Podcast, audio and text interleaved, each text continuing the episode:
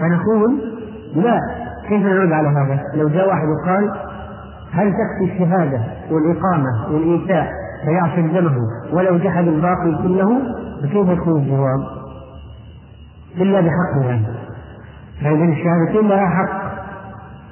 فمن حقوق الشهادتين أشياء كثيرة أخرى والذي يجحدها فقد أخل بالشهادتين بالأصل. ولذلك من هذه الجهة لا يمكن فإن قال قائل فلماذا إذا لماذا إذا لماذا ذكر الصلاة إقام الصلاة وإيتاء الزكاة؟ إذا كان من جحد أي شيء الدين يكفر فإذا جحده عالم بالدين عرف شيء معلوم الدين بالضرورة فكيف إذا نجيب وإذا قالوا فلماذا ذكر الصلاة والزكاة؟ يمكن فقط معناها الصلاة والزكاة هي التي إذا تركها أو جحدها هي التي فكيف نقول؟ نقول إنما ذكرهما لأهميتهما لأنهما أما العبادات البدنية والمالية فالصلاة أم العبادات البدنية والزكاة أم العبادات المالية فلذلك خصهما بالذكر لأنهما أعظم العبادات بعد الشهادتين قوله صلى الله عليه وسلم ويقيم الصلاة ما هي الإقامة؟ إما أن نقول أن إقامة الصلاة هي المداومة عليها على الإتيان بها بشروطها. كما تقول مثلا قامت السوق يعني نفقت السوق وكما تقول قامت الحرب يعني اشتدت. أو أنك تقول مأخوذ إقامة الصلاة مأخوذة من القيام لأنه جزء منها القيام. أليس كذلك؟ فإن الصلاة قيام وركوع وسجود وقعود. فعبر عن الشيء ببعض أجزائه أو بأحد أجزائه فإقامة الصلاة مأخوذة من القيام لأن فيها قيام. أو مأخوذة من إقامتها يعني الإتيان بها نداوم عليها بشروطها نداوم عليها بشروطها. فعلى أحد إما على هذا أو على هذا. استدلوا بهذا الحديث على أن تارك الصلاة يقتل. على أن تارك الصلاة يقتل. وبعضهم نفى ذلك وأباه مثل ابن دقيق العيد رحمه الله قال لا يمكن أن المقاتل غير القتل إن المقاتل غير القتل الحديث جاء بلفظ أن يقاتل ولم يأتي بلفظ أقتل فقتل قتل تارك الصلاة إذا طعن في الاستدلال بقتل من هذا الحديث فإنه يؤخذ من أحاديث أخرى مثل إني نهيت عن قتل المصلين ما هو مفهومه؟ غير المصلين أن يقتلوا فلذلك يعرض عليه يعرض على الشيخ. فإن صلى وإلا قتل ثلاثة ثلاثة أيام ثلاثة أيام يعرض على الشيخ. فإن صلى وإلا قتل. طيب أما بالنسبة للممتنع عن إيتاء الزكاة فهل يقتل أو لا يقتل؟ قال بعضهم إنه لا يقتل لأنها يمكن أن تؤخذ منه قهرا يمكن أن تؤخذ منه قهرا أما الذي لا يصلي فكيف يجعله يكبر من عنه مثلا؟ فلذلك في فرق. ثم إن الأحاديث التي جاءت في كفر تارك الصلاة وردته مشتهرة وصحيحة ولذلك يقتل من باب انه مرتد أما تارك الزكاة ففي ردته نزاع بين العلماء. فتارك الصلاة يقتل مرتدا. تارك لدينه تارك لدينه لأنه ثبتت الأحاديث في كفره كما سبق وأن بينا. ونكون نقطة مضافة إلى البحث السابق القديم الذي ذكرناه في مسألة كفر تارك الصلاة. جاء بعض الإخوان قال لكن هذا الحديث فيه لم يعملوا خيرا قط وفيه أشياء وهذا كيف صريح نفعل ماذا نفعل فيه نقول يا جماعة نحن نرد المشتبه إلى المحكم.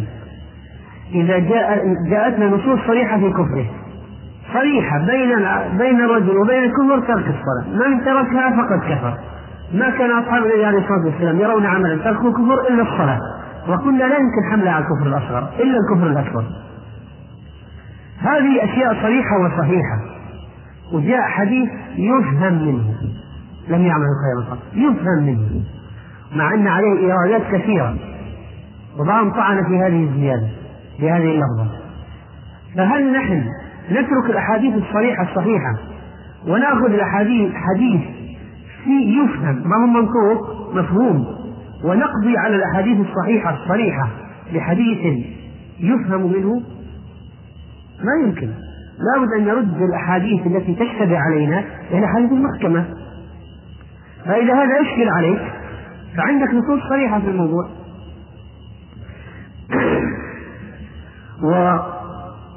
ولا شك نعود إلى المسألة. لا شك أن هناك فرق بين قاتل وقتل. فإن المفاعلة اللي هي اشتراك بين اثنين غير قتل التي تأتي من طرف واحد وليس القتل كالمقاتلة. وقد يحل قتال الرجل ولا يحل قتله.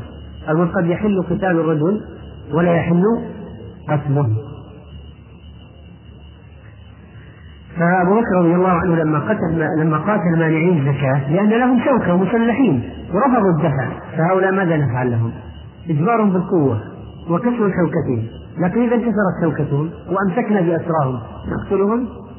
لا. ففي ناس ممكن يجوز مقاتلتهم لكن لا يجوز قتلهم. لأن المهم أن تنكسر شوكتهم وليس المهم أن نقطع رقابهم. بخلاف حالات أخرى يشترط قتله يشترط قتله.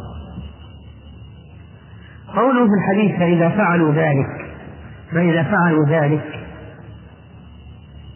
فإذا فعلوا ذلك عصموا.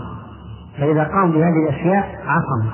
استدلوا به على أن الفعل يطلق على القول لأن الشهادتين تؤتى يؤتى بها قولا وتلفظا وعبر عن الجميع بقوله إذا فعلوا ذلك. فهذا يستدل به على أنه يطلق على القول فعل. على القول أنه فعل. طيب عصموا مني.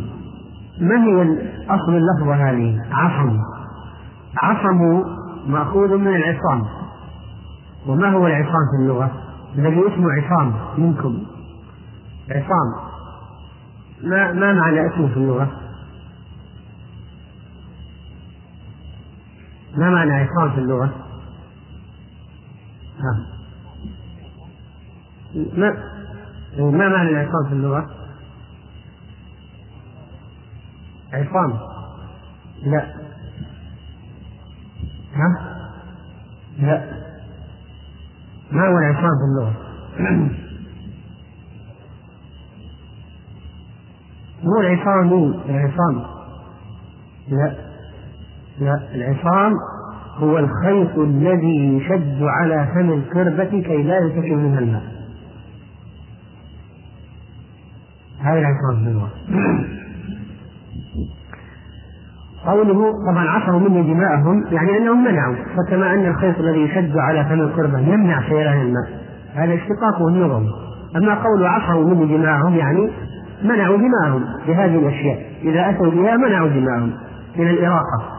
ومنعوا انفسهم القتل عن أنفسهم درأوا القتل عن أنفسهم. وحسابهم على الله.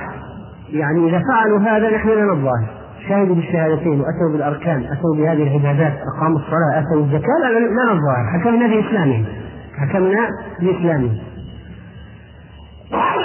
أما سرائرهم فإلى الله عز وجل. وهذا الحديث دليل دليل على قبول الأعمال الظاهرة. والحكم بما يقتضيه الظاهر وان لم نؤمر بالتنبيه أو التنقيب في قلوب الناس. طيب بعض الأشاعرة أو بعض المبتدعة قالوا يجب على الإنسان أن يستدل على وجود الله بالأدلة العقلية حتى يصبح إيمانه صحيح. فإذا بلغ البلوغ سن البلوغ يجب عليه أن ينظر وقال بعضهم يجب عليه أن يقصد إلى النظر ثم اختلفوا في من مات قبل أن يتيقن يعني وهو ينظر يعني يتحصل بالأدلة العقلية على وجود الله.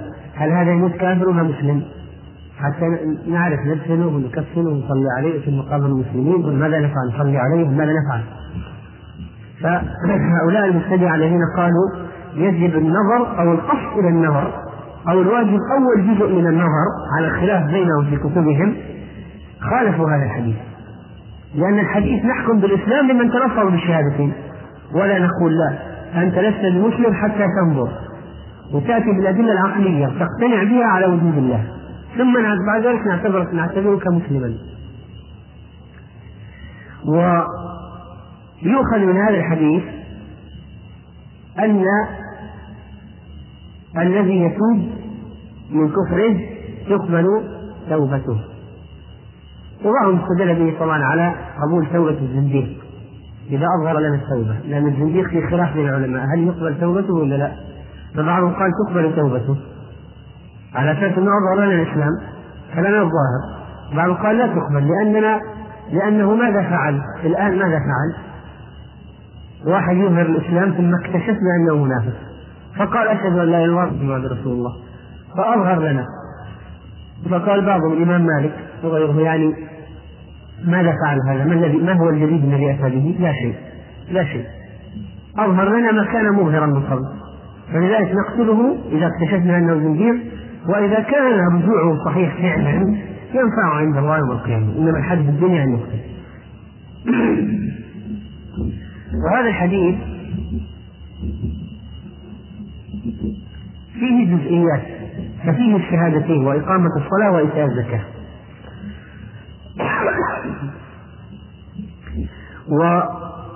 والحديث أيضا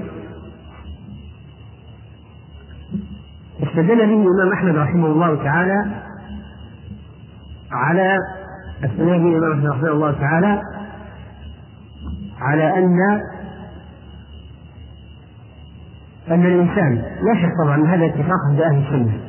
الإنسان إذا أتى بالشهادتين إذا أتى بالشهادتين ماذا ماذا نحكم عليه؟ أنه دخل في الدين. ثم ننظر في حاله. بعد أن توفي بالشهادتين ماذا يفعل؟ نأمره بالأركان الظاهرة نأمره بالعبادات. فإن أتى بها حكمنا باستمراريته على الإسلام. فإن امتنع عن الأعمال بالكلية قال ما ما في إلا الشهادتين. فماذا نقول؟ خرج عن الشهادتين وناقض الشهادتين إذا كان يعلم. حكم هذه الأعمال ويعلمها عن اليقين. فعند ذلك نقول له ناقض الشهادتين لأن الذي يشهد فقط من غير أن يعمل ولا عمل فليس بمؤمن. لو كان صادقا لعمل. كيف يتصور أن يكون إنسان يوقن بالله ويوقن بالآخرة ويوقن بالعذاب ويوقن بالجزاء ويوقن بالجنة والنار ثم لا يعمل ولا عمل؟ كيف يتصور هذا؟ فإذا تارك العمل بالكلية ليس بمؤمن ولذلك قال هنا عصروا مني دماءهم وأموالهم. عصروا مني دماءهم وأموالهم. فإذا يشترط على من جاء يريد الإسلام بعد الشهادتين أن يلتزم بالصلاة والزكاة. ورد في بعض الأحاديث أن النبي عليه الصلاة والسلام قبل من بعض الناس إسلامهم على أن يصلوا صلاتين. وقبل من واحد أن يسلم على أنه لا يركع. فقد جاء في حديث رواه الإمام أحمد رحمه الله بإسناد صحيح أن النبي صلى الله عليه وسلم أتاه رجل فأسلم على أن لا يصلي إلا صلاتين فقبل منه. وعن حكيم بن حزام قال بيات النبي صلى الله عليه وسلم على أن لا أخر إلا قائما يعني بدون ركوع. طبعا بعض فهم لا أخر إلا قائما يعني لا أخر يعني أموت وقائما يعني على الدين. لكن ليس هذا هو الأقرب. الأقرب لا أخر إلا قائما يعني يسلم من غير ركوع. استدل به الإمام أحمد رحمه الله على جواز الإسلام على الشرط الفاسد ثم إذا أسلم أخذناه بجميع الإسلام. لو قال لا أسلم إلا على هذا قلنا أسلم. فإذا أسلم أخذناه بجميع الإسلام. ليش؟ لأننا نحن ماذا يهمنا في في بدء أمره؟ في شهادته فكل الاشتراطات الأخرى التي يشترطها لا مجال لها. نحن نقول له أسلم. لو واحد قال أسلم على أن أشرب الخمر. نقول أسلم لأن نحن لا نريد منه إلا الشهادتين. بعد ما يأتي الشهادتين نطبق عليه أحكام الإسلام.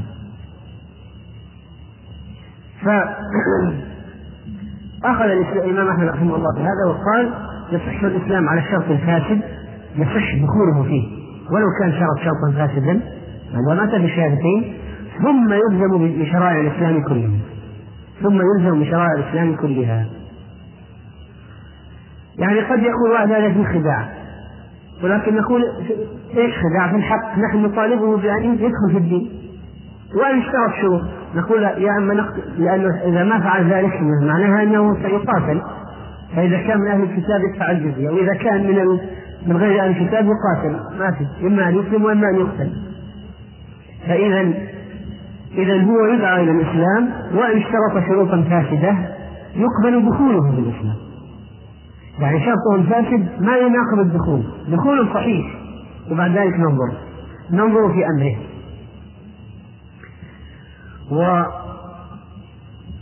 ولا شك أن الشهادتين تعصم من أتى بهما في بداية الدخول. ولذلك الرسول عليه الصلاة والسلام لما أسامة قتل الرجل لما قال لا إله إلا الله غضب عليه غضبا شديدا. لماذا؟ لأنه لما نطق بالشهادتين صار مسلم له حكم الإسلام. فإذا رفض بعد ذلك الإتيان بالأعمال وبالصلاة وغيرها عند ذلك يحاسب له حكم آخر في قضية قتله. لكن في البداية نحن نكتفي بشهادته ثم ننظر في حاله. ولذلك لابد من التفريق بين حكم الدخول وحكم الاستمرار بين الدخول في الإسلام والاستمرار. هذا شيء وهذا شيء آخر. فقد يكون دخوله صحيحا ثم استمراره ينقض دخوله. ولا يشترط أنه إذا دخل أنه أن دخوله سيكون حكمه مستقر مستمرا عليه إلى النهاية حتى لو ما عمل شيء. لا. فقد يدخل بشكل صحيح ثم يكون تركه للأعمال جاعلا له مرتدا مرة أخرى. مرتدا مرة أخرى. فإذا دخل في الإسلام وأقام الصلاة وآتى الزكاة وقام بشرائع الإسلام فله ما للمسلمين وعليه ما على المسلمين. وإن أخل بشيء من الشرائع فإن كان له مناعة قتل مثل ما قاتل مثل مانعي الزكاة. و لا الأحاديث التي جاء فيها حق لا إله إلا الله وحق الإسلام واضحة. تدل على أن للشهادتين حق لا بد من القيام به وأنهما لا تكفيان ولذلك قال صلى الله عليه وسلم لعلي بن أبي طالب يوم خيبر لما دعا أعطاه الراية. قال امشي ولا تلتفت حتى يفتح الله عليك. فسار علي شيئا ثم وقف فصرخ من مكانه لأنه لا يلتفت. يا رسول الله على ماذا أقاتل الناس؟ قال قاتلهم على أن يشهدوا أن لا إله إلا الله. وأن محمدا رسول الله. فإذا فعلوا ذلك فقد عصموا منك دماءهم وأموالهم. لاحظ ماذا ذكر؟ فقط الشهادتين عصموا دماءهم وأموالهم إلا بحقها. لماذا لم يذكر الصلاة والزكاة في هذه الرواية؟ لأنها داخلة في حقهم. ولماذا ذكرها في الرواية الأخرى؟ تاكيدا عليه تاكيدا عليه فالذي يمتنع عن الصلاة والزكاة بعد الدخول في الإسلام فإنه ناقض حق لا إله إلا الله ناقض حق الإسلام. وقال الله عز وجل فإن تابوا وأقاموا الصلاة وآتوا الزكاة فخلوا سبيلهم فإذا ما فعلوا ذلك لا نخلي سبيلهم يعني معناها أننا نقاتلهم خصوصا إذا كانوا جماعة. إذا كانوا جماعة فإننا نقاتلهم.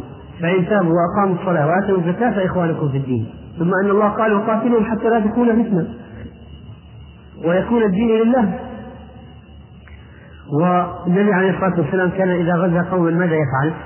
يمكث فإن سمع أذانا يعني يجي وقت الصلاة. إذا سمع أذان وإلا أغار عليهم.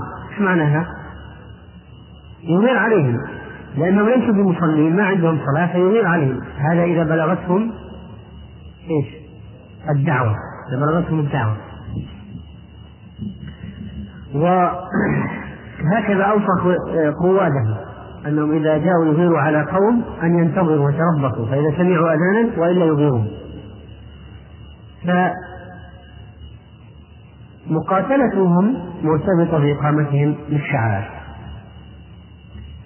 طيب. قتال أبي بكر لمانعي الزكاة من أي باب كان؟ هل لأنهم مرتدين أو لأنهم مسلمين لكن أصحاب منع وشوكة ورفضوا إعطاء الزكاة فلا بد من كسر شوكتهم. اختلف العلماء في ذلك. فإن قلنا أن تارك الزكاة لا يكفر ومانعها لا يكفر ليس مثل الصلاة لأنه يمكن أخذها بالقوة وأنه قاتلهم على أنها حق الإسلام وقاتلهم على أنه لا بد أن يؤدوها وأنهم أصحاب شوكة ومنع وأنه لما قاتلهم ما قتلهم. ما مثل أصحاب مسيلمة. المرتدين غير مانعي الزكاة غير أصحاب مسيلمة المرتدين. أولئك لهم حكم آخر. ف... فإذا مانع الزكاة. إذا صار له شوكة يقاتل. إذا منعها يقاتل. تؤخذ منه بالقوة زائد نصف المال. هذا تعذير له. أو تؤخذ مضاعفة. تعذير له.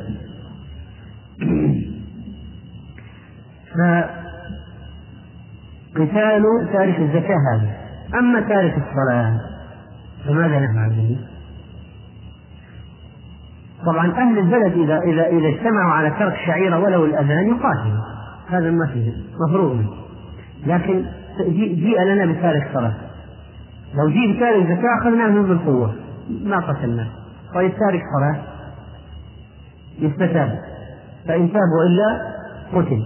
وذكرنا الأحاديث التي تدل على قتل تارك الصلاة غير تكفير تارك الصلاة الآن القتل. ومن ذلك قوله صلى الله عليه وسلم يستعمل عليكم أمراء. فتعرفون وتنكرون في معروف في منكر في حكمهم. فمن أنكر فقد برئ ومن كره فقد سلم. يعني على الأقل بالقلب إذا ما يستطيع. ولكن من رضي بقلبه وتابع تابعهم على منكرهم هذا هو. هذا هو المسكين. فقالوا يا رسول الله ألا نقاتلهم؟ قال لا ما صلوا. فدل ذلك على أنه إذا ترك الصلاة يخرج عليهم ويقاتلون ويقتلون وكذلك الحديث الذي جاء عن خالد بن الوليد رضي الله عنه جاء أن خالد بن الوليد استاذن النبي صلى الله عليه وسلم في قتل رجل. قال عليه الصلاة والسلام لا لعله أن يكون يصلي. فقال خالد وكم من مصل يقول بلسانه ما ليس في قلبه. فقال رسول الله صلى الله عليه وسلم إني لم أؤمر أن أنقب عن قلوب الناس ولا أشق بطونهم. وكذلك لما جاء رجل من الأنصار أو لما جاء رجل يستاذن النبي عليه الصلاة والسلام في قتل رجل من المنافقين قال النبي صلى الله عليه وسلم أليس يشهد أن لا إله إلا الله؟ قال بلى ولا شهادة له. قال أليس يصلي؟ قال بلى ولا صلاة له. قال أولئك الذين نهاني الله عن قتلهم. فمعنى ذلك أنه أنه سأله عن أمرين لهذا الرجل الشهادة والصلاة. فلما أخبر أنه يصلي قال خلاص هذا لا نقتله ما دام من المصلين لا يقتل إن الله نهاني الله عن قتلهم. معنى ذلك أنهم إذا لم يكونوا مصلين فإنهم يقتلون فإذا يقتل الممتنع عن فعل الصلاة. والذي يعرض على السيف ويرفض الصلاة ثلاثة أيام ويفضل القتل عليها فليس في قلبه إيمان قطعا. أما قتل الممتنع من الزكاة ففيه قولان لعل الراجح أنه لا يقتل. لكن فيه من يكون من العلماء لقتله وهو المشهور عن أحمد رحمه الله تعالى والذي قال لا يقتل مالك والشافعي ورواية عن أحمد. أما الصوم قال أحمد لم يجئ فيه شيء في قتل من يترك الصيام وأما الحج فجاء في تركه خلاف قتله خلاف أيضا وبعضهم فصل فقال إذا قتله إذا كان آه، أخره عازما على تركه بالكلية قال لا أحد من الآن إلى أن أموت. فجاء فجاء رواية عند أصحاب الإمام أحمد بأنه يقتل. وإذا أخره تكاسلا لا بطبيعة الحال هو فاسق يعني على القول بوجوده على الفور. على القول بوجوده على الفور. طيب كلمة إلا بحقها ماذا يستفاد منها؟ على أن على أن كل من أخل بأصل الشهادتين كمن وقع في الشرك مثلا عامدا متعمدا هذا يدعى إلى التوحيد ولا يقاتلون ولذلك قاتل محمد عبد الوهاب رحمه الله كثيرا من أهل نجد في وقته بسبب إيش؟ دعاه وأرسل لهم الرسائل ومصرين على الشرك فجرد لهم حملات وعلى الجهاد وسد وعبأ الناس وقاتل قاتل.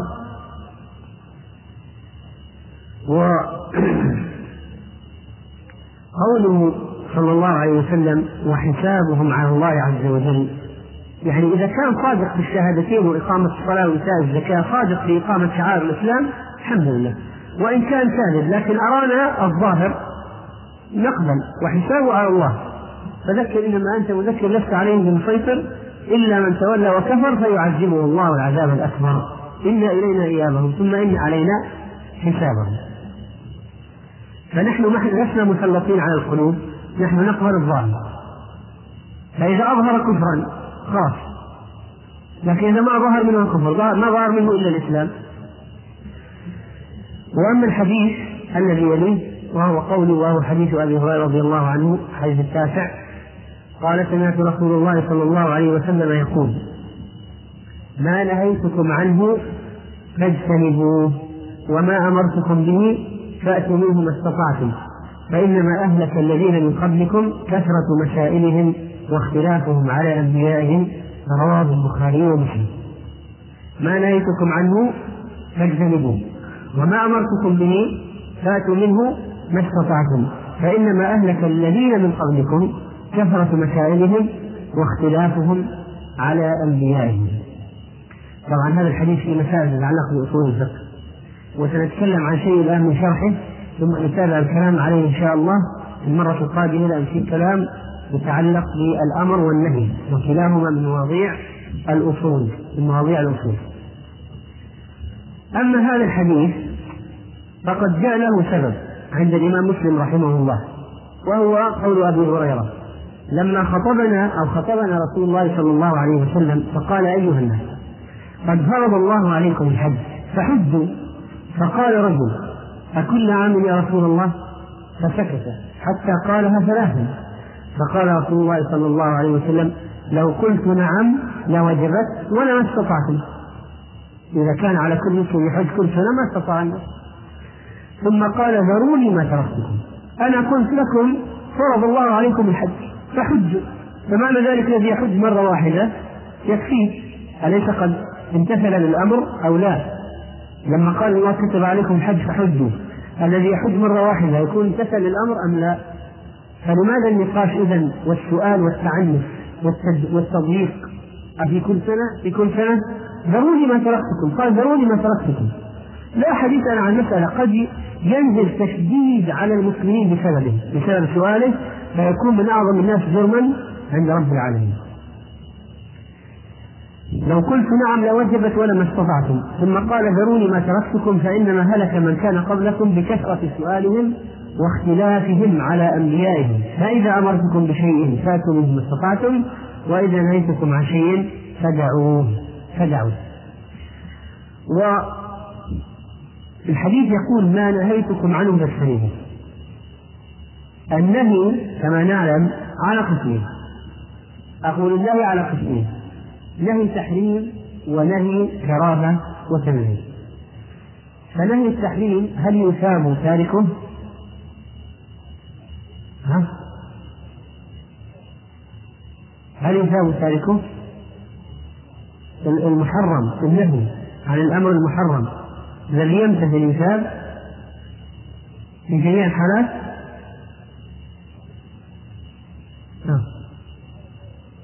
إذا تركه لله إذا تركه امتثالا يثاب لكن إذا تركه مرغما واحد يبغى يغتاب بس لسانه مقطوع. واحد يريد السرقة لكنه مشلول واحد يريد أن يأخذ الرشوة لكن خايف أن يكون هذا من هيئة مكافحة الرشاوى مثلا.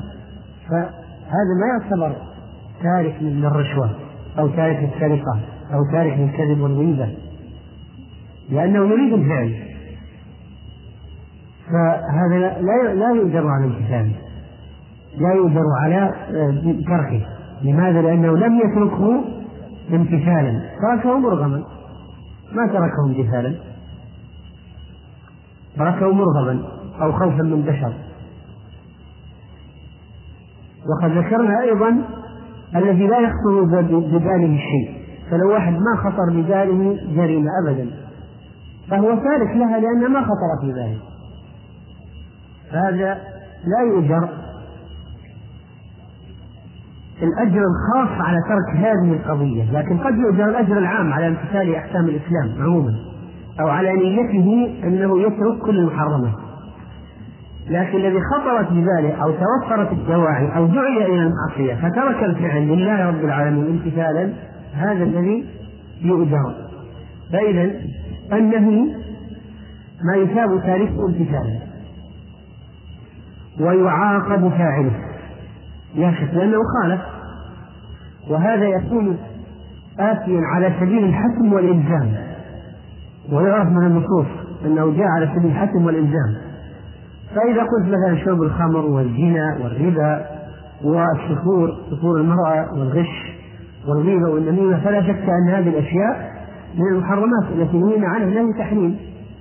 وجاء العزم عليها بل وتدين عقابة في الآخرة أو إقامة حدود عليها في الدنيا. هذا كله يبين أن المسألة ليست مكروهة أو أو أو نهي تنزيه وإنما نهي تحريم. لأن نهي التنزيه ونهي الكراهية لا يوجد عليه عقاب. أو يرتب عليه عقاب في أو مثلا يرتب عليه آه، حد. ما يرتب على شيء نهي عنه نهي تنزيه والقسم الثاني وهو نهي الكراهة والتنزيه يثاب تاركه امتثالا. يثاب تاركه امتثالا لكن لا يعاقب لا يعاقب فاعله لكنه يخشى عليه. لأن الإنسان إذا أكثر الوقوع في المكروهات فإنه سيصل إلى المحرمات مثل الذي يقع في الشبهات كثيرا يصل إلى المحرمات كما سبق فصلنا في الدرس المتعلق بترك المشتبهات أو المشبهات. فلو قيل مثلا ما هو الفرق بينهما؟ أن نهي الكراهة والتنزيه لا يكون على سبيل الحتم والإلزام. فمثلا لو قلنا ما حكم السهر بعد العشاء؟ بغير حاجة. لا في ضيف ولا ثمر في طلب العلم ولا شيء. ما هو الحكم؟ إنه مكروه. مكروه. فلو فعله لا يأثم. طبعا إذا كان سهره في غير معصية لأنه قد يأثم بسبب المعصية. مثل أنه يسهر على الأغاني أو على يعني معصية الله أو اللعب بالورق مثلا. فلكن ينبغي على الناس أن يعني هذا التفريق ترى تفريق علمي لطلبة العلم لكن لا يقال للناس شوفوا يا جماعة أي واحد يعني يترك يعني يفعل المكروهات ما عليه شيء ما ما يأتي مكروهات ما يأتي لكن المحرمات هي الخطيرة. لأن الأثر النفسي للناس على الناس سلبي. ولذلك ذكرنا لكم في المرة الماضية أنهم يسألون المشايخ. يقول يا شيخ هذا فمثلا يقول مثلا يحكم كذا فيقول الشيخ قد نهى عنه رسول الله صلى الله عليه وسلم. منهي عنه في الشريعة؟ فيقول منهي عنه شلون يعني عنه؟ يعني حرام أكيد ولا فيها؟ يعني يمكن مكروه.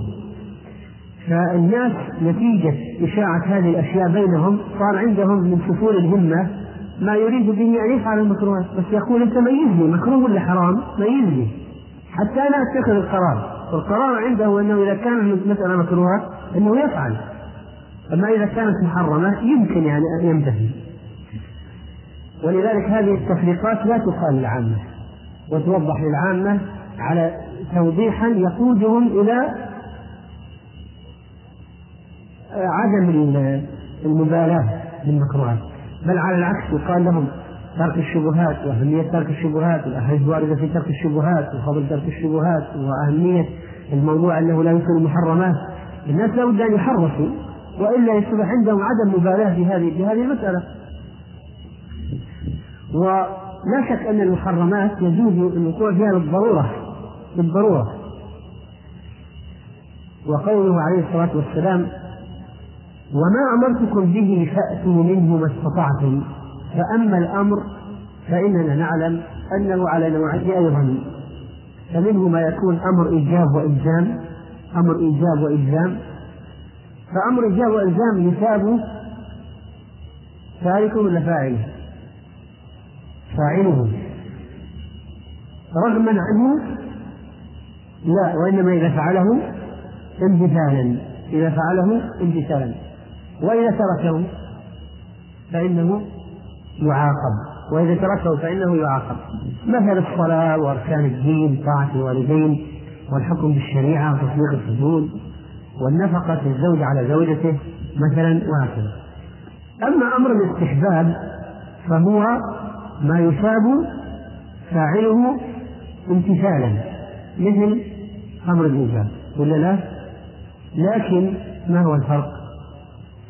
أن تاركه لا يعاقب إذا كان الأمر للاستحباب مثل مثلا السواك أو غسل الإحرام أو السنن الرواتب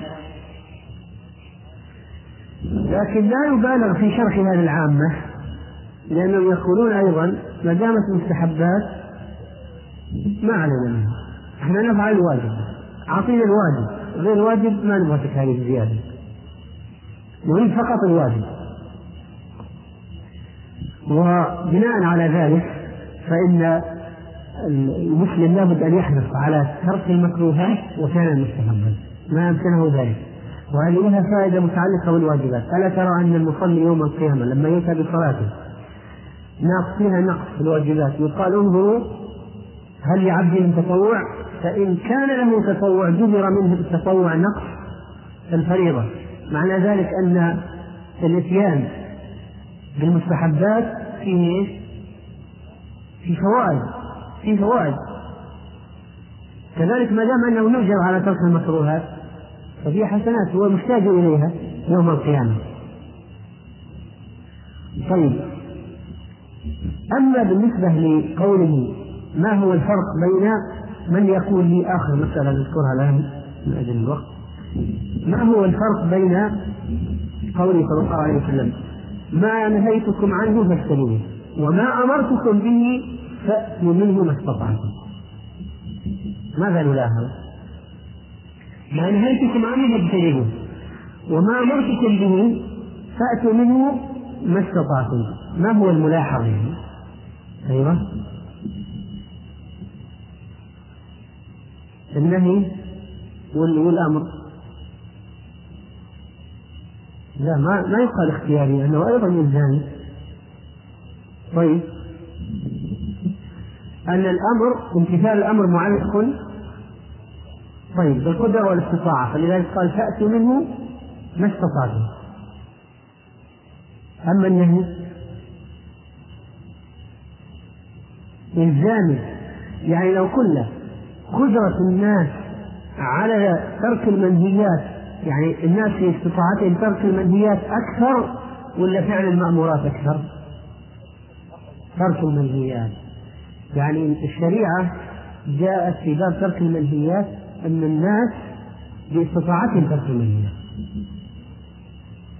إما ألا إلا إذا حصلت ضرورة لكن المأمورات يعني ما يدخل على الناس من النقص في باب المأمورات أكثر من الذي يدخل عليهم المنهيات. فالمنهيات بقدرة الله. يعني لا يحصل لهم خلل إذا تركوا الزنا وتركوا الربا وتركوا السرقة وتركوا الكذب. بالعكس تحصل مصالح كثيرة. لكن إذا قلت في الصلاة إذا قلت الواجبات فحين لا يستطيع الإنسان يأتي الواجبات لكنه يستطيع الامتناع عن المنهيات إذا ما صار فيه ضرورة يستطيع أن يمتنع ولا يحصل له شيء أبدا أما المأمورات طيب أيهم أكثر المأمورات ولا المنهيات؟ باب المأمورات في الشريعة أكثر البنود التي تحته داخلة فيه ولا المنهيات اللي داخلة فيها أكثر؟ نحن أمرنا بأشياء أكثر ولا نهينا عن أشياء أكثر؟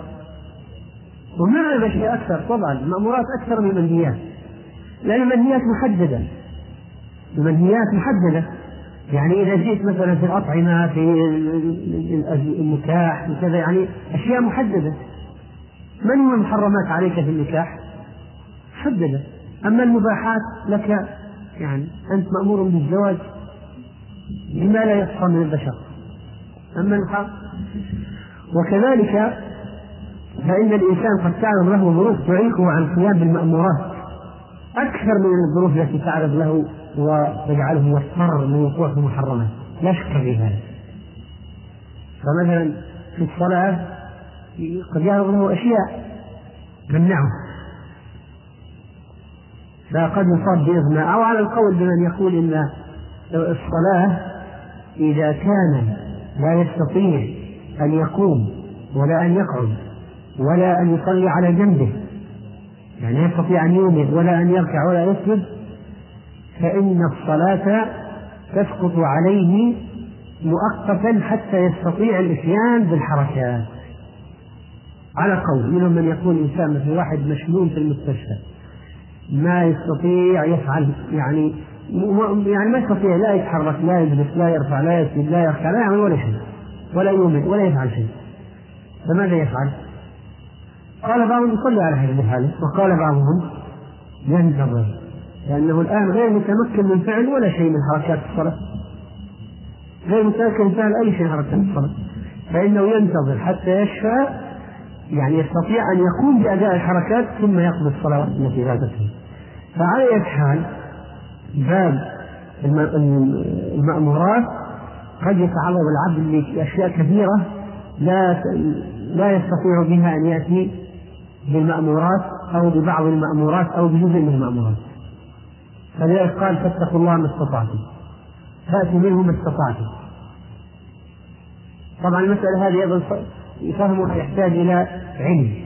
فمثلا لو أنك وجدت جزءا من شيئا من الماء تتوضأ به لبعض الأعضاء ما عندك ماء لبقية الأعضاء فهل تفعل أو لا تفعل؟ قال بعضهم تفعل ما هو دليلهم؟ وما أمرتكم به فاتوا ما استطعتم لكن لو أنت تستطيع أن تصوم إلى العصر بس بعد كذا تنهار ما ما تستطيع قدرتك فقط لساعات محدودة فهل تصوم؟ نصف يوم؟ بناء على حديث وما أمرتم به فأتوا منه استطعتم.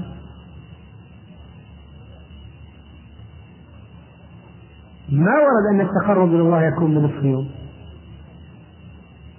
عمل هذا التام لا يمكن أن يأتي يكون بجزء منه. فلذلك المسألة هذه مسألة مسألة بحث ليست قواعد مضطردة للشخص العادي أنه يأتي ويقول خلاص أي عمل نأتي منه استطعنا والباقي خلاص نتركه. قد يكون لا تتركه بالكلية حتى تستطيع أن تقوم به بالكلية. تتركه بالكلية حتى تستطيع الإتيان به تماما. في أشياء لها بدل في أشياء ما لها بدل. أقول في أشياء لها بدل في أشياء ما لها بدل. لا بد أن تنتظر حتى تأتي به لكن في أشياء لها بدل. لو ما وجدت الماء ما نقول انتظر حتى تجد الماء وإنما نقول تيمم لها بدل. في أشياء ليس لها بدل. وهكذا. فسنكمل إن شاء الله الكلام على هذا الحديث مرة قادمة يعني يوم السبت إن شاء الله. والله أعلم صلى الله وسلم على نبينا محمد. مع تحيات إخوانكم في تسجيلات ابن تيمية بالخبر. الحمد لله رب العالمين. وصلى الله وسلم وبارك على نبينا محمد وعلى آله وصحبه أجمعين. وبعد فنحن اليوم في الحديث التاسع من الأحاديث النووية التي جمع الإمام النووي رحمه الله تعالى. حديث أبي هريرة. فمن يسرد لنا الحديث؟ الحديث التاسع. لا تكليف إلا بقدر الاستطاعة. عن أبي هريرة عبد الرحمن بن صخر رضي الله عنه؟ قال سمعت رسول الله صلى الله عليه وسلم يقول ما نهيتكم عنه فاجتنبوه وما أمرتكم به فأتوا منه ما استطعتم فإنما أهلك الذين من قبلكم. كثرة مسائلهم واختلافهم على أنبيائهم رواه البخاري ومسلم. وهذا الحديث الذي جاء فيه قصة في صحيح الإمام مسلم.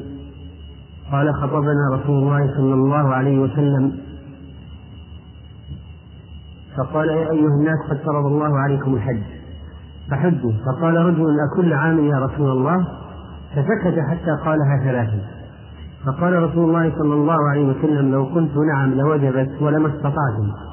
ثم قال ذروني ما تركتكم فإنما أهلك من كان قبلكم بسؤالهم واختلافهم على أنبيائهم فإذا أمرتكم بشيء فأتوا منه ما استطعتم وإذا نهيتكم عن شيء وإذا نهيتكم عن شيء فدعوه.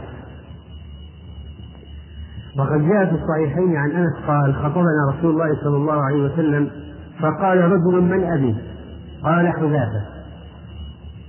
قال رجل من أبي؟ قال فلان. كما جاء في الرواية الأخرى حذافة. فنزلت هذه الآية لا تسألوا عن أشياء. وجاء في الصحيحين أيضا عن قتادة عن أنس قال سألوا رسول الله صلى الله عليه وسلم حتى أحوه. حتى أحوه في المسألة. فغضب فصعد المنبر فقال لا تسألون اليوم عن شيء إلا بينته فقام رجل كان إذا لاح الرجال دعي إلى غير أبيه كان في أحد الأشخاص إذا صار بينه وبين بعض الناس خصومات يسألون رسول الله صلى الله عليه وسلم استهزاء. فيقول رجل من أبي؟ ويقول رجل تظل ناقته من ناقتي؟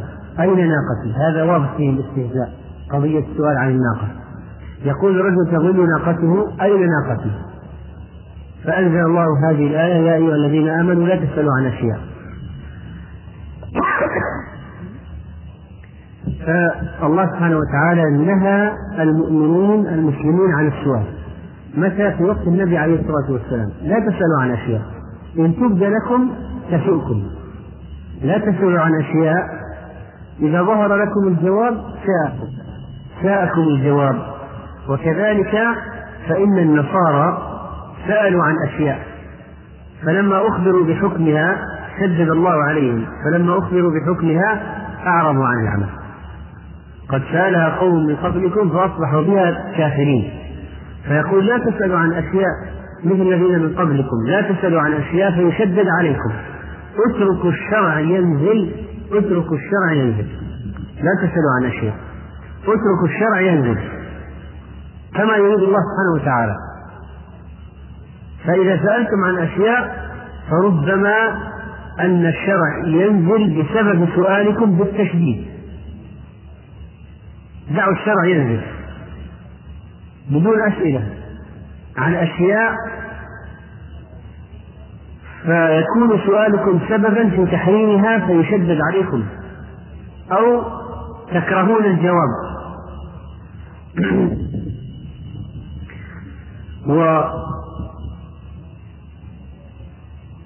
وهذا الحديث لا شك أن فيه تبيين للنهي عن السؤال عما لا يحتاج إليه الشخص وقد يسوءه الجواب مثل سؤال مثل سؤال السائل هل أنا في النار أم في الجنة؟ أين أنا؟ هل أنا في النار أو في الجنة؟ وكذلك يسأل من أبي. فربما هو الآن أبوه معروف فربما لو سأل لصار الجواب على شيء يكرهه لأن هذا وحي. فيخبر بالحقيقة. فيخبر بالحقيقة. فقد يتضح أنه ولد زنا فيكون هذا إحراج عظيم للرجل. اتركوا هذه المسائل. يقول اتركوا هذه المسائل. وبعضهم يسأل سؤال التعنف. إذا ضاعت ناقته يقول أين ناقتي؟ كان يقول اسأل لي ربك أين ناقتي؟ هذا فعل المنافقين وقد كان المشركون أهل الكتاب يسألون آيات يقولون لولا أنزل علي آية من ربي كفار قريش يقولون أين هات آية نريد آيات نريد معجزات تظهر خوارق وكذلك يدخل في هذا الحديث وهو قوله صلى الله عليه وسلم يقول ذروني ما تركتكم في رواية مسلم ذروني ما تركتكم فإنما أهلك من كان قبلكم بسبب سؤالهم بسبب سؤالهم اتركوني. ما دام أنا ما أخبرتكم بأنه يجب عليكم كذا ويجب عليكم كذا لا تسألوني هل يجب علينا أو لا. هل يحرم علينا أو لا. ربما يكون جواب يجب عليكم فيشق أو يحرم عليكم فيكون تشديدا بسبب المسألة. وجاء لذلك جاء في الحديث الصحيح أن رجلا لما قال النبي صلى الله عليه وسلم لما قال إن الله فرض عليكم الحج فحجوا. إن الله أو يا أيها الناس قد فرض الله عليكم الحج فحجوا. فقال رجل أكل عام يا رسول الله؟ فسكت. حتى قال ثلاثا فقال رسول الله صلى الله عليه وسلم لو قلت نعم لوجبت. ولما استطعتم أن تحجوا كل سنة. لما قال لهم حجوا هل قال حجوا كل سنة؟ فإذا السؤال هذا كل سنة فيه تعنف فيه قد يكون ينزل فيه تشديد فأتركوني أنا ما قلت لكم حجوا كل سنة قلت حجوا فقط. ما قلت حجوا كل سنة. ما دام أنني ما دققت عليكم اتركوني لا تسألوا لا تشددوا فيشدد الله عليكم. وهذا وحي ليس بالهزل. إنه لقول فصل ليس بالهزل هذا من دلالة يربيهم على جدية الوحي. ليست مسألة سهلة تقول. هات إيش الحكم؟ بين لنا هل كل سنة ولا لا؟ لا. هذا أمر جاد. لو نزل ينزل ينزل ويستمر والحكم يثبت ويبقى. هذه آخر آخر الرسالات ناسخة. حفظك الله. وكذلك يكون مثلا الناس يأكلون نوعا من اللحم. ما نزل عليه في الشرع تحريمه يجي واحد يقول ما حكم اللحم الفلاني؟ ما نزل عليهم فيه شيء. على الأصل أنه من الطيبات من المباحات. يجي واحد يقول ما هو الأصل؟ لا ما هو الحكم؟ هذا حرام ولا حلال؟ فربما بسبب مسألة الرجل ينزل تحريمه فيشدد عليهم بسببه وقد كانوا من قبل في سعة يأكلون دون أن يعترض عليهم أحد. ولذلك قال صلى الله عليه وسلم إن أعظم المسلمين في المسلمين جرما. إن أعظم المسلمين في المسلمين جرما من سأل عن شيء لم يحرم فحرم من أجل مسألته. فحرم من أجل مسألته فيعاقبون يعني يعاقب على هذا السؤال. الوحي سكت عنه اسكت يسعك اسكت. فإذا سأل فإذا سأل ما حكم كذا؟ ولم يرد تحريم له في الشرع باقي على الأصل أنه من الإباحات فلماذا يسأل؟ وكذلك يدخل في الحديث السؤال عن الأشياء التي أخفاها الله على عباده واختص بها سبحانه وتعالى مثل علم الساعة متى الساعة؟ يدخل اسكت أو الروح يسألونك عن نفخ الروح من أمر ربي فهذا ما لا يوجد سؤال في هذا ولا مزيد بحث فيه لأن الله عز وجل قال يقول الروح من أمر ربي فاختصها بعلمه سبحانه وتعالى وكذلك فإن بعض الناس يسألون عن أشياء لم تقع لم تقع فيعاقبوا بوقوعها فيه فهذا رجل سأل الرسول صلى الله عليه وسلم مثلا عن رجل وجد مع امرأته رجلا أتقتله أيقتله فتقتلونه؟ فذم رسول الله صلى الله عليه وسلم المسائل وعابها واحد منهم الصلاة قال يعني لو واحد وجد مع امرأته رجلا ماذا يفعل؟ يقتله أو ماذا يفعل؟ فكره رسول الله صلى الله عليه وسلم المسائل وذمها كره الافتراضات هذه. افتراضات شنيعة ما حصلت اسكت فابتلي الرجل بها. فعلا. جاء بعد فترة قال إن المسألة التي سألت عنها قد صارت وجد مع امرأته رجلا ولذلك الرسول صلى الله عليه وسلم كان ينهى عن قيل وقال وكثرة السؤال. وما كان عليه الصلاة والسلام يرخص للأسئلة في الأسئلة إلا للأعراب. الأسئلة عما لا يقع. أو عن الأشياء التي سكت عنها الوحي لا يرخص السؤال عنها إلا للأعراب أما المهاجرين أما المهاجرون والأنصار المقيمون معه بالمدينة فإنهم كانوا ينتظرون الوحي. ولا يسألون ينتظرون الوحي. رسخ الإيمان في قلوبهم فنهوا عن المسألة. كما جاء في حديث النواس رضي الله عنه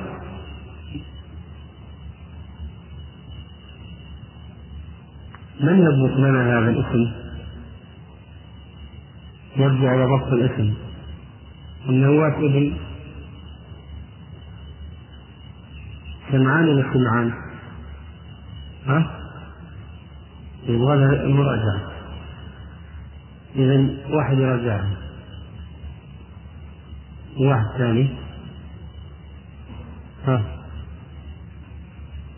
طيب.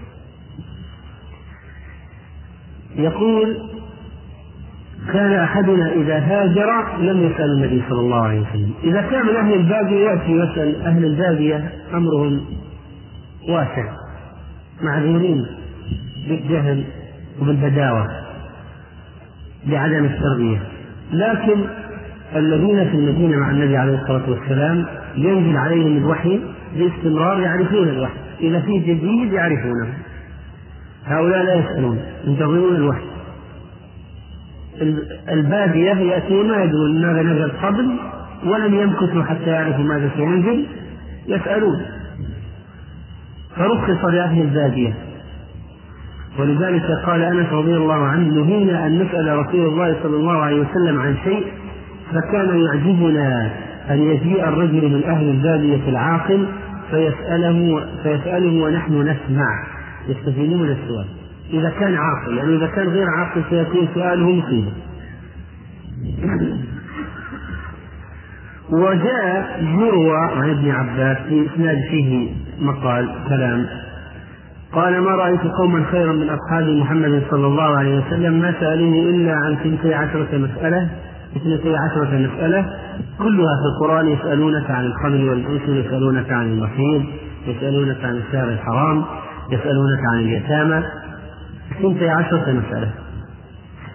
وكان أصحاب النبي صلى الله عليه وسلم إذا قال قائل هل معنى أنهم لا يسألونه؟ يعني أبدا لا السؤال ابدا ما يسأل الجواب أنهم كانوا يسألونه عما يحتاجون. يعني إذا وقع وقعت المسألة سأل. تأتي خوله من ثعلبه تقول ظاهر مني. ماذا أفعل؟ ظاهر مني. لا أنا مطلقة ولا أنا زوجة أنا معلقة. ظاهر مني. ماذا أفعل؟ هذه حادثة وقعت. تحتاج المرأة إلى جواب تاتي وتسأل عن الجواب.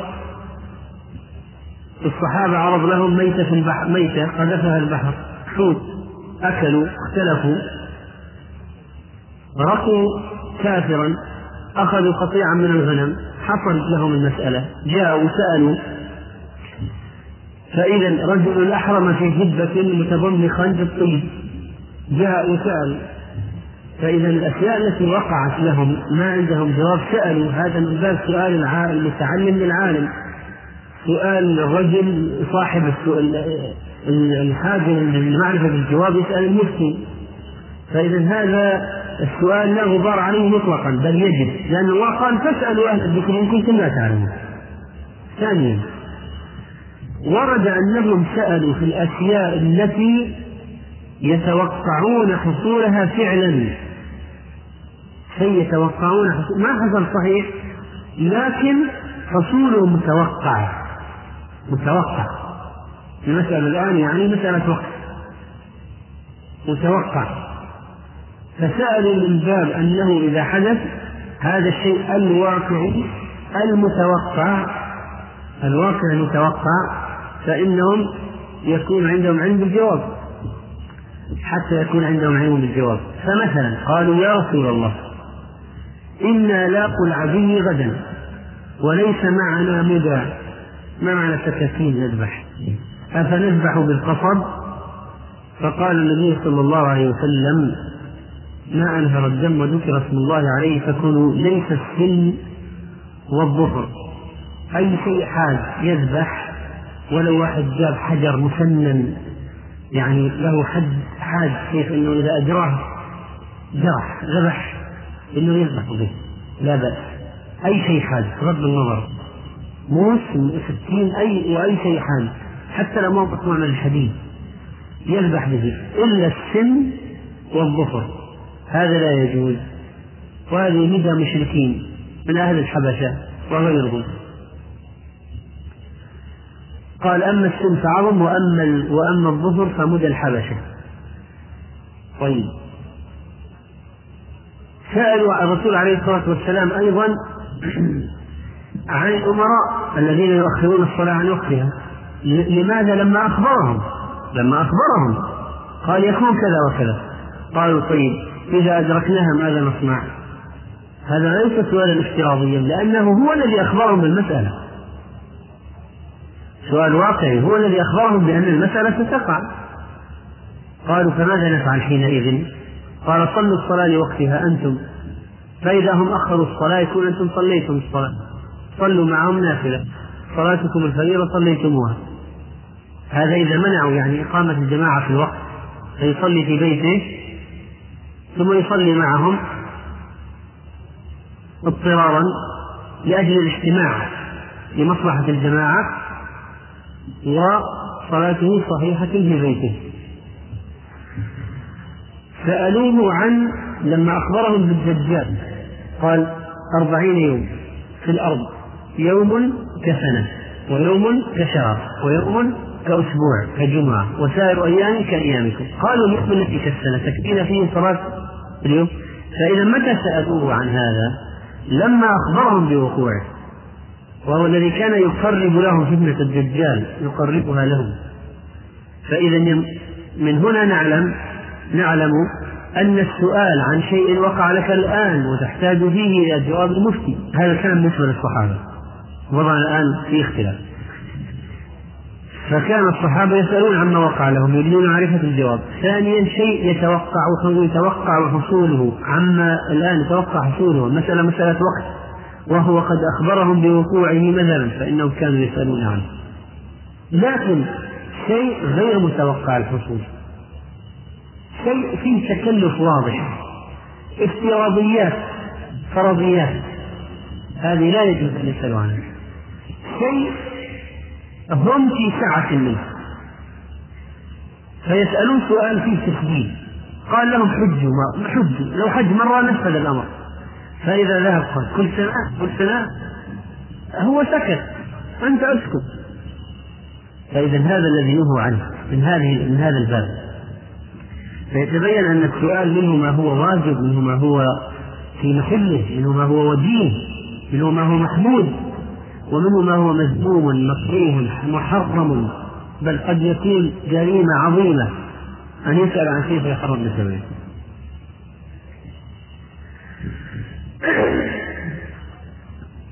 وقال بعض الناس إن هذا السؤال المحرم كان في زمن النبي عليه الصلاة والسلام. لكن لكن لما مات النبي عليه الصلاة والسلام ما في محذور من أن يفرض علينا شيء كان حلالا علينا لأن الوحي قد انقطع والتشريع قد استقر. فإذا ممكن واحد يسأل أي سؤال؟ لكن أنت إذا نظرت تجد أن المسألة أننا بين أمرين. صحيح أن الوحي انقطع وأن التشريع استقر وأنه ليست هناك المحذور ليس هناك المحذور والخشية كانت موجودة من تحريم الأشياء. كانت حلال بسبب مسألة رجل هذا صحيح. لكن في نفس الوقت هل يعني فتح الباب للسؤال على مصراعيه بحيث أن يسأل الإنسان عن الفرضيات وعن الأشياء التي لا يجوز له السؤال عنها وعن الأغلوطات وعن الأشياء التخيلية مثلا؟ وعما هو موجود جوابه لو تأمل لكنه يسأل فالجواب لا. نحن لسنا في مسألة إغلاق باب السؤال بالكلية ولا في جانب فتح باب السؤال على مصراعيه لأن في نصوص مثلا نهى عن كثرة السؤال. معناها أن كثرة السؤال بغير حاجة أمر مذموم. هناك سؤال مكروه. معناه هناك سؤالات مكروهة. هناك سؤالات محرمة. فإذا لو نظرنا في مسألة العلة في عدم سؤال الصحابة النبي صلى الله عليه وسلم وقلنا إنه قد ورد مسألة خشية تحليل شيء كان حلالا بسبب سؤال شخص. فليست هذه العلة الوحيدة. وإنما وإنما هناك شيء آخر وهو ما جاء ولكن انتظروا ما جاء عن ابن عباس ولكن انتظروا فإذا نزل القرآن فإنكم لا تسألون عن شيء إلا وجدتم تبيانه. ومعنى ذلك أن كل ما يحتاج إليه المسلمون في دينهم موجود في كتاب الله. لا بد أن يبينه الله سبحانه وتعالى في كتابه العزيز أو يبلغ عنه الرسول صلى الله عليه وسلم. فلا يحتاج بعد ذلك أحد للسؤال لا يحتاج. يعني يقول انتظروا انتظروا. فإن الله عز وجل يعلم مصلحة العباد يعلم ما يحتاج إليه العباد ويعلم الوقت الذي يحتاجون إليه هذا الشيء فينزله عليهم. فإذا انتظروا لماذا تسأل عن شيء ما بعد جاء لم يأتي وقته بعد والله عز وجل يعلم أنه سينزله عليك بعد حين من الزمن بحكمة بحكم يريدها سبحانه وتعالى. فالله أعلم بمصالح العباد من العباد ويعلم ما فيه هدايتهم ونفعهم عز وجل. يبين الله لكم أن تضلوا. فإذا ليست المسألة فقط أنك خشيت أن يحرم الشيء بسببه لكن أيضا بسبب أن التشريع الآن التشريع ينزل فانتظر حتى يكتمل التنزيل هذا في عهد الصحابة. أما نحن صحيح المسألة في حقنا أهون لكن ليست المسألة أيضا مفتوحة على مصراعيها لأن هناك أسئلة محرمة. فلو واحد قال متى الساعة؟ متى الساعة؟ ما هي الروح؟ عرفني الروح. هات الروح. يا أيها الشيخ ما تعريف الروح؟ يعد ذلك حراما. ولو بعد موت النبي عليه الصلاة والسلام أو سأل عن أشياء افتراضية تخيلية. فكذلك سيكون أمرا مكروها. ف ولو مات النبي عليه الصلاة والسلام وقطع الوحي فتبقى هناك أسئلة محرمة وأسئلة مكروهة. وهنا في الحديث فائدة تربوية عظيمة. وهي قوله في الحديث لما قال لهم ذروني ما تركتكم فإنما أهلك من كان قبلكم بسؤال واختلافهم على الأنبياء قال فإذا الآن ينهاهم عن الانشغال بالأسئلة في بماذا يشتغلون؟ الشريعة إذا حرمت شيء أو نهت عن شيء فتحت الباب لبديل له وإذا صرفت الناس عن شيء مكروه أو محرم فإن لها أبوابا تصرف الناس إليها. بدائل وجود البديل مهم.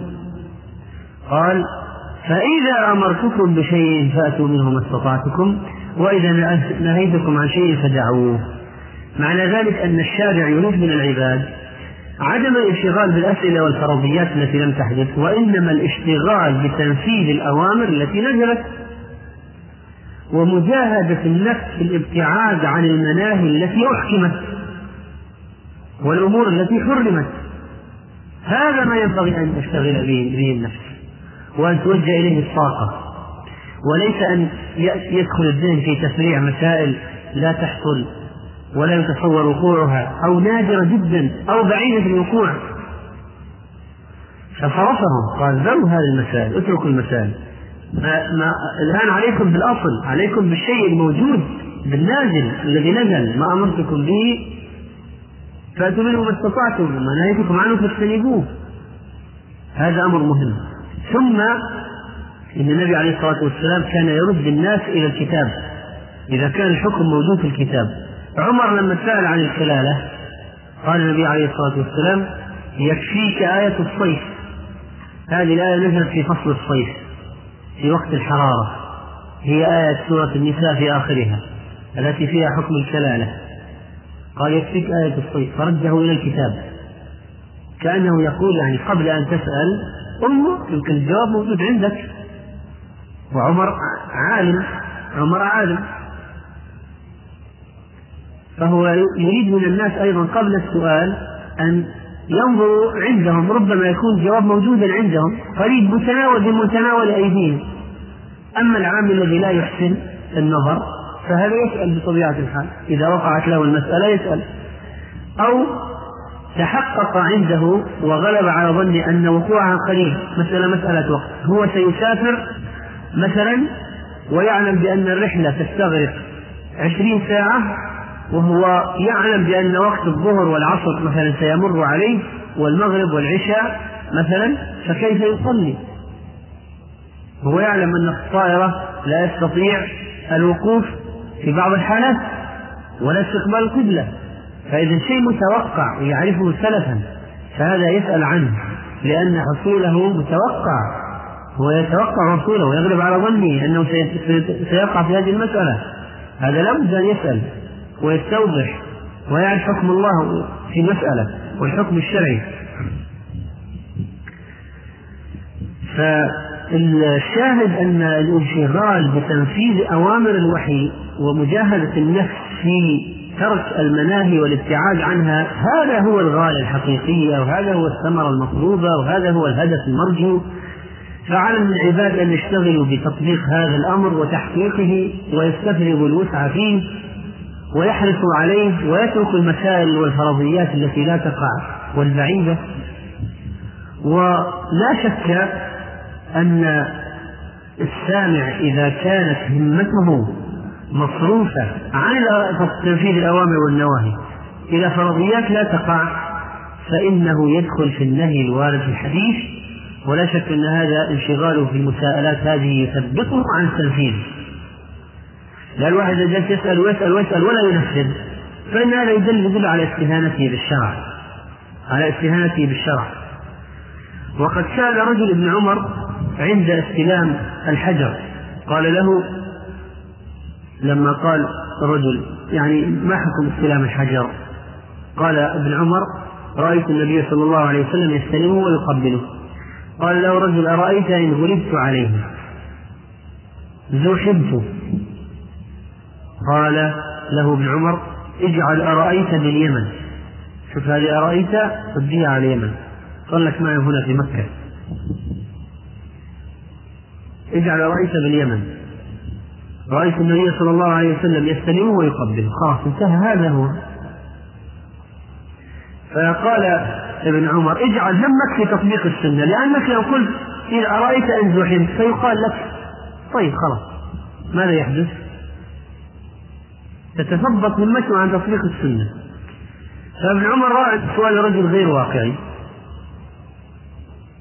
بينما الآن لو واحد سأل في في عصر في وقت مثلا قد يوجد فيه مليون شخص في الحرم عن تقليل الحجر يجاب بجواب آخر.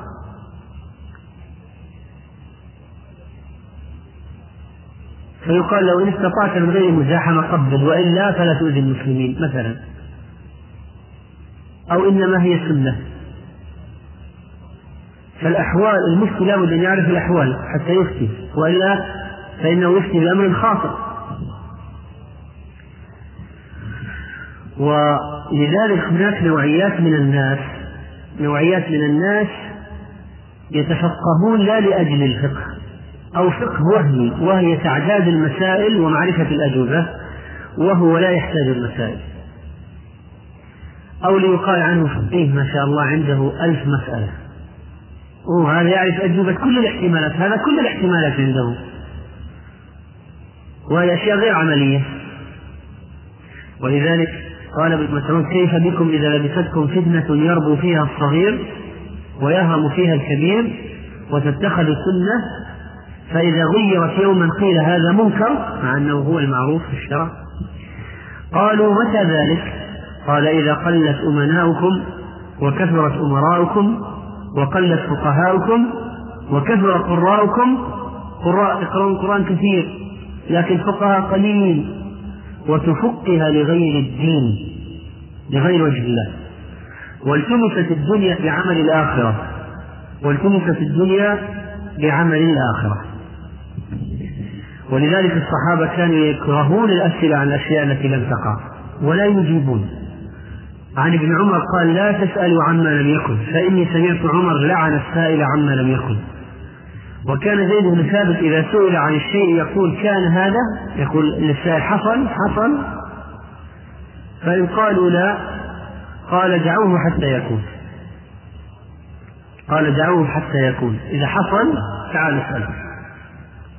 إذا لمس المفتي أن السائل يسأل عن فرضيات فماذا يقول له تأديبا؟ يقول له حصل حصل لك هذا الكلام؟ فإذا حصل تعال اسأل. إذا راه يتعنف مثلا يسأل في مسألة يقول يقول طيب ولو حصل كذا؟ طيب ولو حصل كذا؟ ولو حصل كذا؟ هذه عادة بعض الناس يفعلونها. ليس من أجل الفائدة لكن تعنف هذا خلق منحرف عنده يتعنت في الأسئلة. وقال مسروق سألت أبي بن كعب عن شيء فقال أكان بعد؟ حصل؟ فقلت لا. قال أجمنا. أجمنا يعني ريحنا في العامية ريحنا. ريحنا من هذا. أرحنا منه. فإذا كان اجتهدنا لك فيه رأينا. اجتهدنا لك رأينا. إذا حصل تعال نجتهد لك رأينا.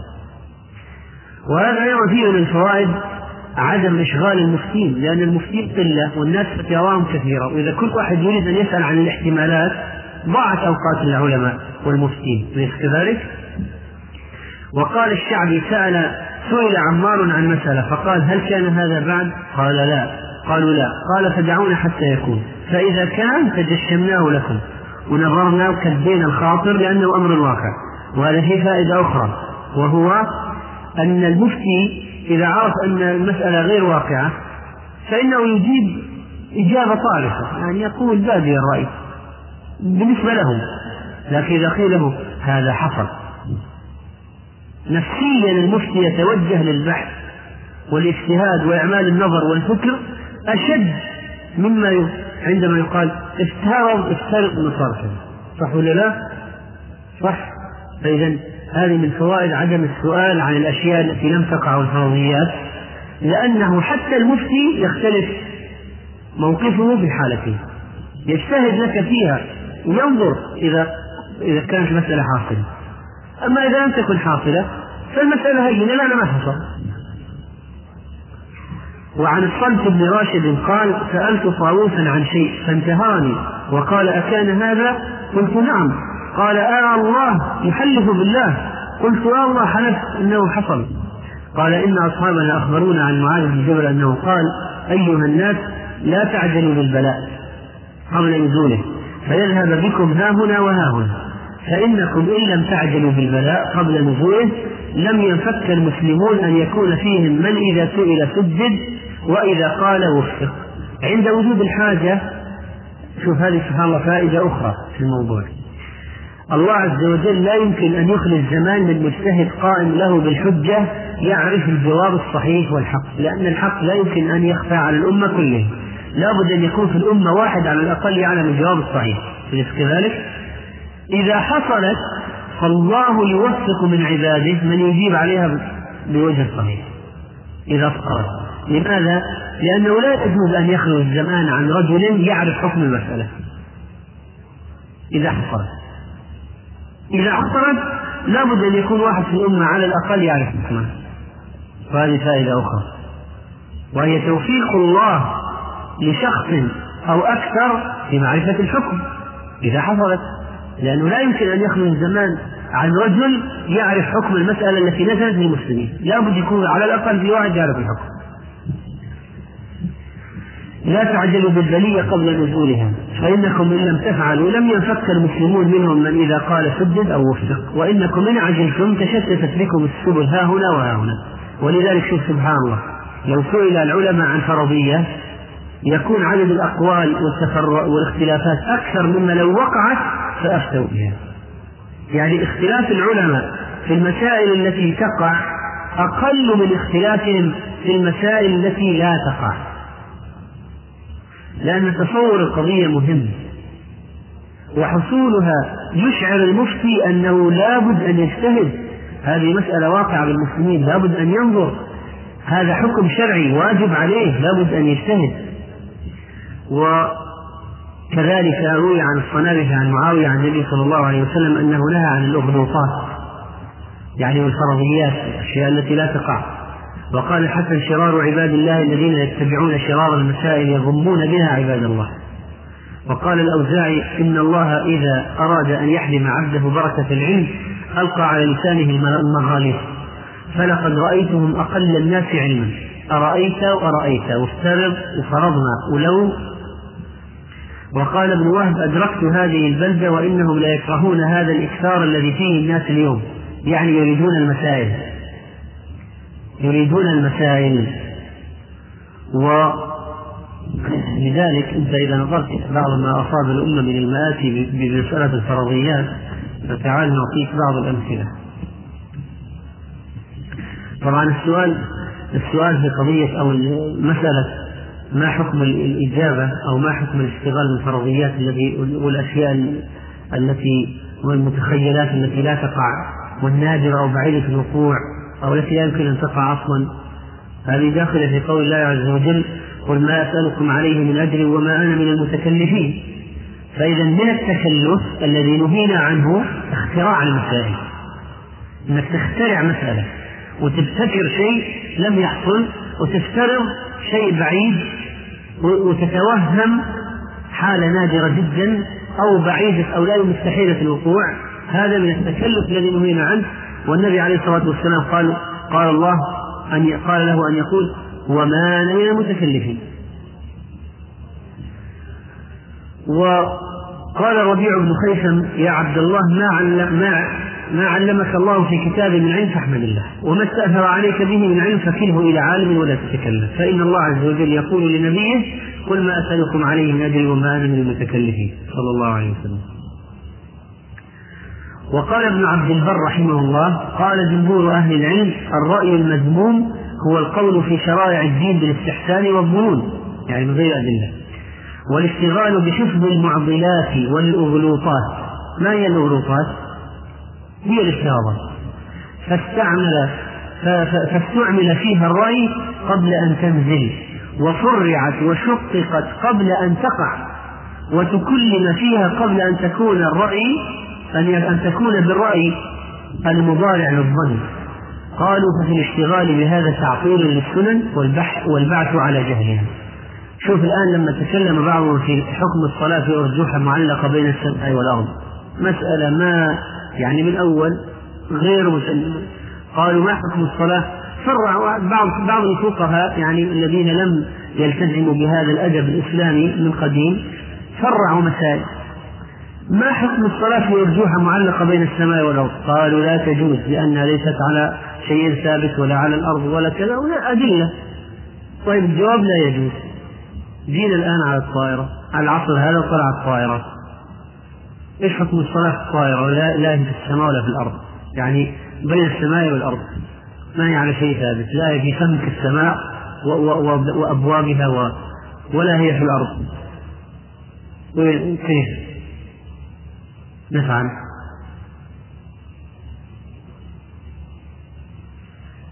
لو أردنا أن نقول أهو استفدنا الفقهاء ما خلوا شيء. فنضيع. معناها أنه لا تصح الصلاة.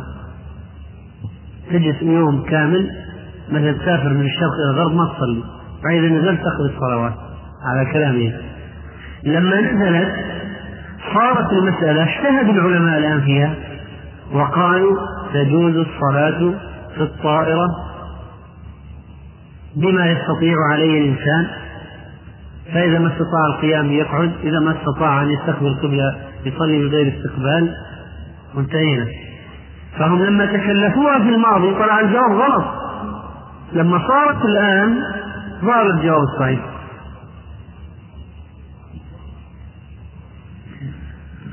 و قال الشعبي والله لقد بغض هؤلاء القوم إلي المسجد حتى له وأبغض إلي من كناسة داري. قيل من هم يا أبا عمرو؟ قال الأرائيون. يعني من كثر ما طفشوه أرأيت أرأيت؟ قال ما يريد المسجد لأن هؤلاء الأرائيتيين يجوا المسجد. وكل وقت وكل حين كل ساعة أرأيت ورأيت هؤلاء كرهوا إلي المسجد. ولذلك فإن الاشتغال بالمسائل الخيالية والافتراضات لا شك أنه أمور حرام. يعني خذ خذ لك أمثلة مما هو موجود في بعض الكتب التي ينبغي أن تنقح من هذه الترهات يقول يعني مسألة. يقول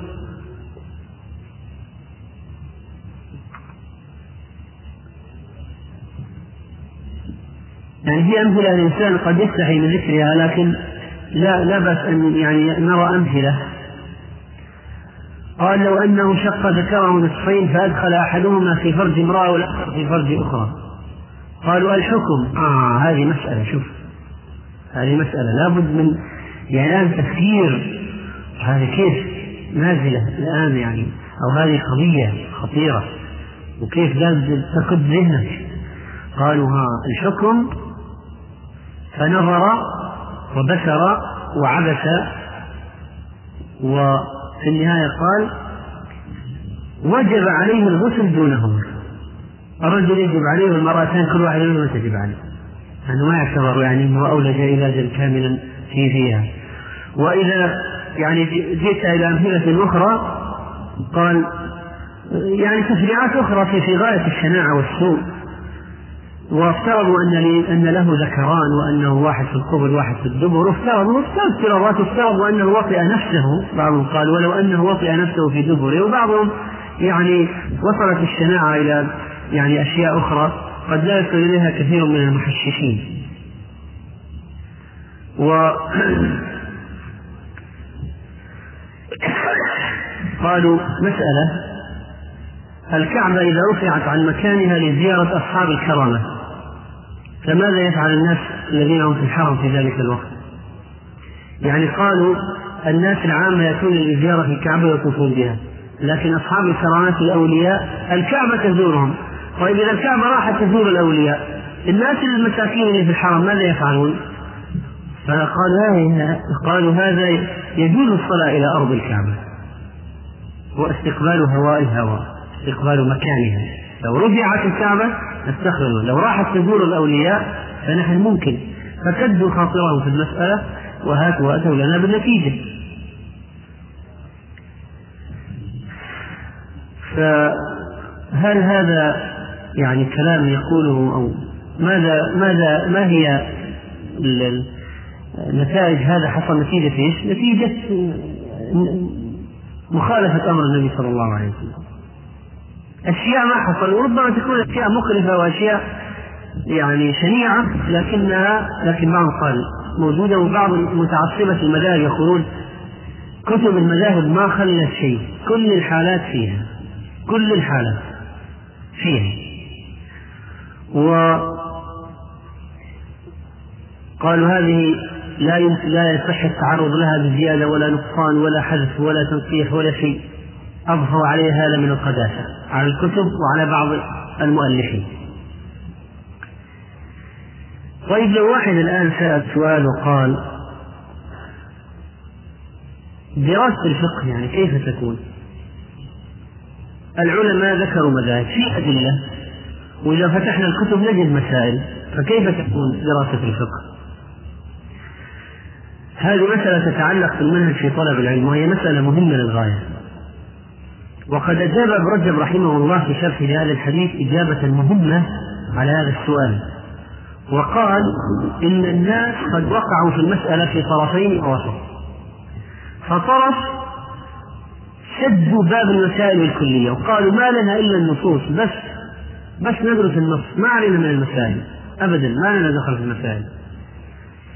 فهؤلاء وصل بهم الحال إلى أنهم صاروا حامل فقه ليس بفقيه. لأنه عطل فهمه عطل نفسه عن فهم النص. وقال لنا إلا المسائل فقط نجمع ونحقق وننصح ونشتغل طيب. قابلهم طائفة أخرى. قابلتهم طائفة أخرى في المقابل وهم المت... المتطرفون من أهل الرأي. أولئك على الطرف من بعض أهل الحديث. بعضهم قالوا ما لنا فقط النصوص بس الحديث النصوص. ما لنا بالمسائل قابلتهم طائفة أخرى من أهل الرأي. قالوا فنفرض المسائل. نفرض المسائل. يفكرون في فرض المسائل. يجلس لوحده في البيت ويفكر في فرض المسائل. فتوسعوا في توليد المسائل وفرضها. قالوا لأجل الناس. حتى إذا حصلت لهم يكون عندهم جواب. فتوسعوا في فرضها وتوليدها حتى كثرت جدا وأدى بهم الأمر إلى الوقوع في كلام في مسائل لا تقع عادة بل مستحيلة في الوقوع مستحيلة في الوقوع. لو انكسر ظهره فخرج المني يجب عليه الانكسار. فالآن هذا يعني المسائل التي نتيجة التوليد والتفريع. حصلت قضايا غير واقعية. مستحيلة الوقوع. نادرة جدا أو لا تقع. ونتيجة لذلك حصلت خصومات لأن الآن لما كل ما تزيد أنت المسائل سيزيد الاختلاف. فإذا زاد الاختلاف كثرت الخصومة والجدالات. في أمور ما وقعت فإذا صرنا يعني نشابه بني إسرائيل. شابه بني إسرائيل. فأدى ذلك إلى اختراق القلوب وحصول الأهواء والشحناء والبغضاء والعداوة. وما الفائدة؟ لا فائدة. ما حصلت المسائل؟ لا فائدة. ولذلك يرى ابن رجب رحمه الله أهمية الجمع بين طريقة أهل الحديث ودراسة المسائل التي تقع والأشياء التي تحدث. فقال لابد مثلا لطالب العلم الذي يريد ان يقصد طريق الطلب الصحيح أن يحرص على الأحاديث الصحيحة ويميزها من السقيمه ويصرف همه للبحث عن معانيها عن معاني كلام الله وعما يفسر به كلام الله من كلام نبيه وكلام الصحابة والتابعين يجمعه ويعرف معاني النصوص ويعرف صحة النصوص من ضعفها ويتفقه في معانيها و يتعلم مسائل الحلال والحرام والزهد والرقائق لأن الفقه المسألة الدين ليس فقها فقط. قالوا هذه طريقة الإمام أحمد ومن وافقه من علماء الحديث الربانيين. وكان الإمام أحمد إذا سئل عن شيء من المسائل المولدات التي لا تقع يقول دعونا من هذه المسائل المحدثة. وكذلك فإن الاشتغال بتوليد المسائل من سلبياته أنه يقسي القلب. لأنك مالك إلا المسائل والتفريعات والمناقشات بعيدا عن الأدلة في الغالب. ولذلك تقرأ في بعض كتب الفقه تفريعات هذه يقسو قلبك فعلا. حتى بعض الفقهاء ربما لاحظ هذا. قال قال كان أبو شريح الإسكندراني يوما في مجلسه فكثرت المسائل فقال قد درنت قلوبكم منذ اليوم. قوموا إلى أبي حميد خالد بن حميد اسقلوا قلوبكم. تعلموا هذه الرغائب فإنها تجدد العبادة الترغيب والترهيب وتورث الزهادة وتجر الصداقة وأقل المسائل إلا ما نزل فإنها تقسي القلوب وتورث العداوة يعني لو واحد عندك يدرس مثلا عنده طلبة يقول لهم المواعظ ويتكلم لهم عن الجنة والنار وفتنة القبر والآخرة ومحبة الله